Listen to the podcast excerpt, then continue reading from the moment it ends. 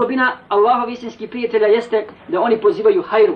Oni pozivaju hajru i sav njihov narod se trudi na, da nauči ilm. Njihova omladina želi da pokupi sve kvalitete istinskih mu'mina.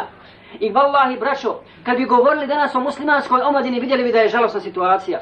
Vidjeli bismo da je žalosna situacija sa muslimanskom omladinom. Da ta omladina koja bi trebala da bude kičma jednog naroda, koja bi trebala da ponese glavni teret, nije onakva kakva je bila omladina Rasula sallallahu alaihi ve sellem. Omladina Rasula sallallahu alaihi ve sellem ponjena je glavni teret.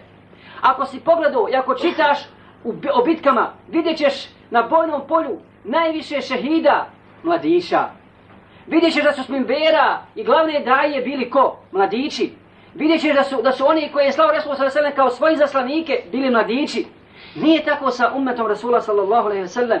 Rasul sallallahu alaihi wasallam kada, kada je okupio svoje ashabe, kada se pojavio lažac Musailama al Kezab u Jemami, okupio ashabe i kaže, o skupina ashaba, ko će od vas otići Musailemi i govoriti mu o islamu i prenijeti mu davu i govoriti mu o Allahu i kazni koja ga čeka na ahiretu zbog njegove laži. I kaže, ko će se povjeriti Allahu Đelešanuhu koji ga neće sigurno nikad izdati.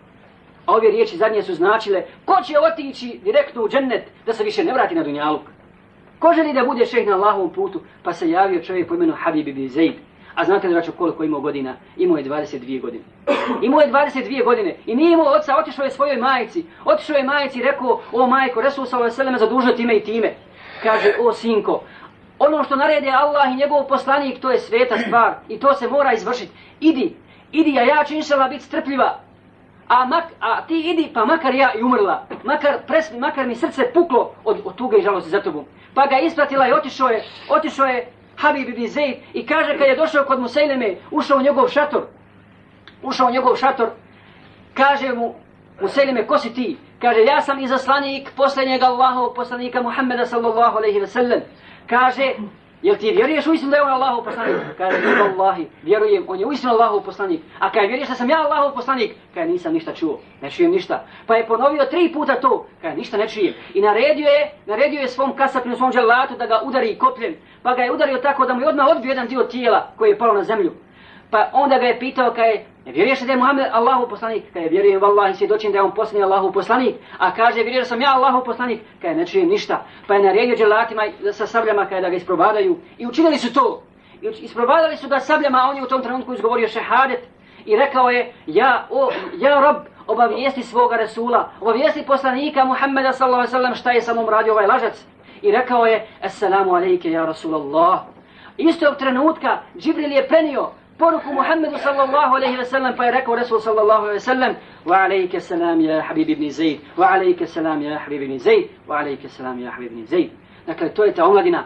Koga je poslao Resul sallallahu alaihi ve sellem u Jemen, kada je gledao ashabe koga će poslati kao daju Jemen, pale su mu oči i zaustavio se njegov pogled na kome? Na kome?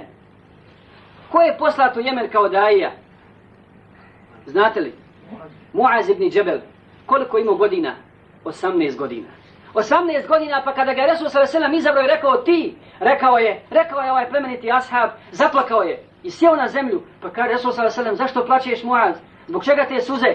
Kaže, ne plaćem vallahi zbog dunjaluka, niti zbog života, nego plaćem što se bojim da te više neću sresti osim na sudnjem danu. Neću se više s tobom vidjeti. Kaže, o Muaz, te suze su od šeitana. Ne plaći zbog toga, jer nama je džennet inša Allah zagarantovan. To je naš cilj i tamo ćemo se sresti to je najbitnije, to je najvažnije. I otišao ovaj 18-godišnjak. Nije probrao Resul sa 50-godišnjaka, ni 60-godišnjaka, ni bilo koga drugog, nego je probrao mladića koji je otišao, a današnja naša omladina, subhanallah.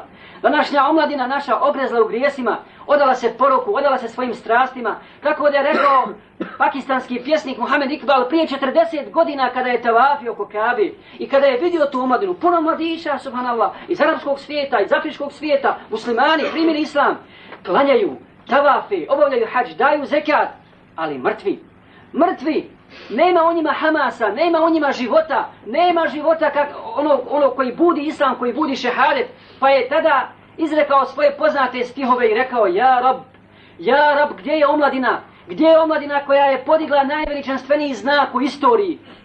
Gdje je omladina koja je prodala svoje duše za la ilaha illallah Muhammadu Rasulullah? Prodala svoje duše za, cije, za vrijednost koja nema cijene, za džennet koji je širok koliko nebesa i zemlja. Ja rab, gdje je, gdje je novi, rekao je, rekao je tada, gdje je, gdje je novi, gdje je novi Ibn Taymiye poslije Ibn Abbasa, Jer posljednji Ibn Abbasa kao poznatog mufesira, kao poznatog stručnjaka u Kur'anu, u tefsiru, u hadisu, u fikhu, javio se Ibn Tejmije. Došao onaj koji je isto tako odgojen na Kur'anu i sunnatu, a nije bio ashab. Gdje je novi Salahuddin poslije Halid ibn Velida? I gdje je novi Tarik ibn Zijad poslije Sa'ad ibn Vekasa? Ja, rab, gdje je ta omladina?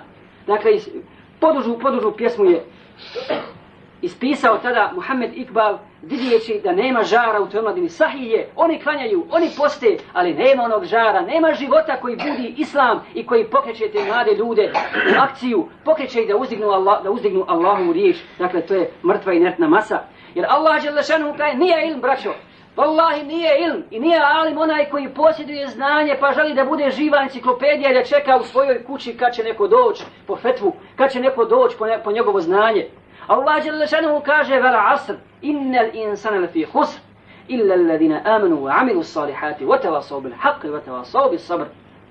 Tako mi vremena svaki čovjek na gubitku, osim koga, osim onih koji vjeruju i rade dobra djela, i jedni drugima preporučuju istinu i preporučuju sabr četiri osobine u kratkoj suri za koju Šafija kaže da je objavljena ummetu samo ova sura, bilo bi dosta da shvate istinu, da shvate šta je njihov put i šta je njihov, šta je njihov zadatak. Gdje je širio davu Ahmed ibn Hanbel? Je li čekao da mu neko dođe u mesin, vallahi na trgovima, po pijaci, gdje bi god koga sretni, širi bi istinu. Urve ibn Zubeir, Urva ibn Zubeir, za koje, Aisha, majka svi bila mu je tetka, za kojeg jedan od ashaba rekao, ka je, vallahi, inače ne zavidim Urvetu, osim na tome što je mogao ući kod Aisha kad je god htio da sluša hadis. Kaže, zaustavi bi, vidi bi čovjeka pošao u trgovinu. Zametno se svojom robom i pošao. Kaj je pita ga, kusi pošao? Kaže, idem. Idem kaj da trgujem, da zaradim kaj. Neš, vallahi, vallahi, evo ti dirhemi, evo ti dinari, evo ti zlate, evo ti srebro, samo hodi da slušaš hadis. Hodi da slušaš hadis, da učiš islam. To su bili ljudi koji su davali zlato i srebro da bi poučavali islamu, jer su živjeli za islam. I gorjeli su, gorjeli su njihova srca za islam. Živjeli i umrli kao, umrli kao muslimani. A danas, subhanallah, danas u islamu profesionalizam. U islamu oni koji žive od islama, kako kaže Sejid Kutb, da bar ima efekta, neka šta fali, neka, mora čovjek, ali da se barem trudi, I vallahi imate ljudi koji će, koji će čitav život potrošiti na tom putu. Neće ništa dugo raditi. I u penziju će otići. Ali nikakvog efekta nije bilo. Nikakvog efekta nije bilo od njega.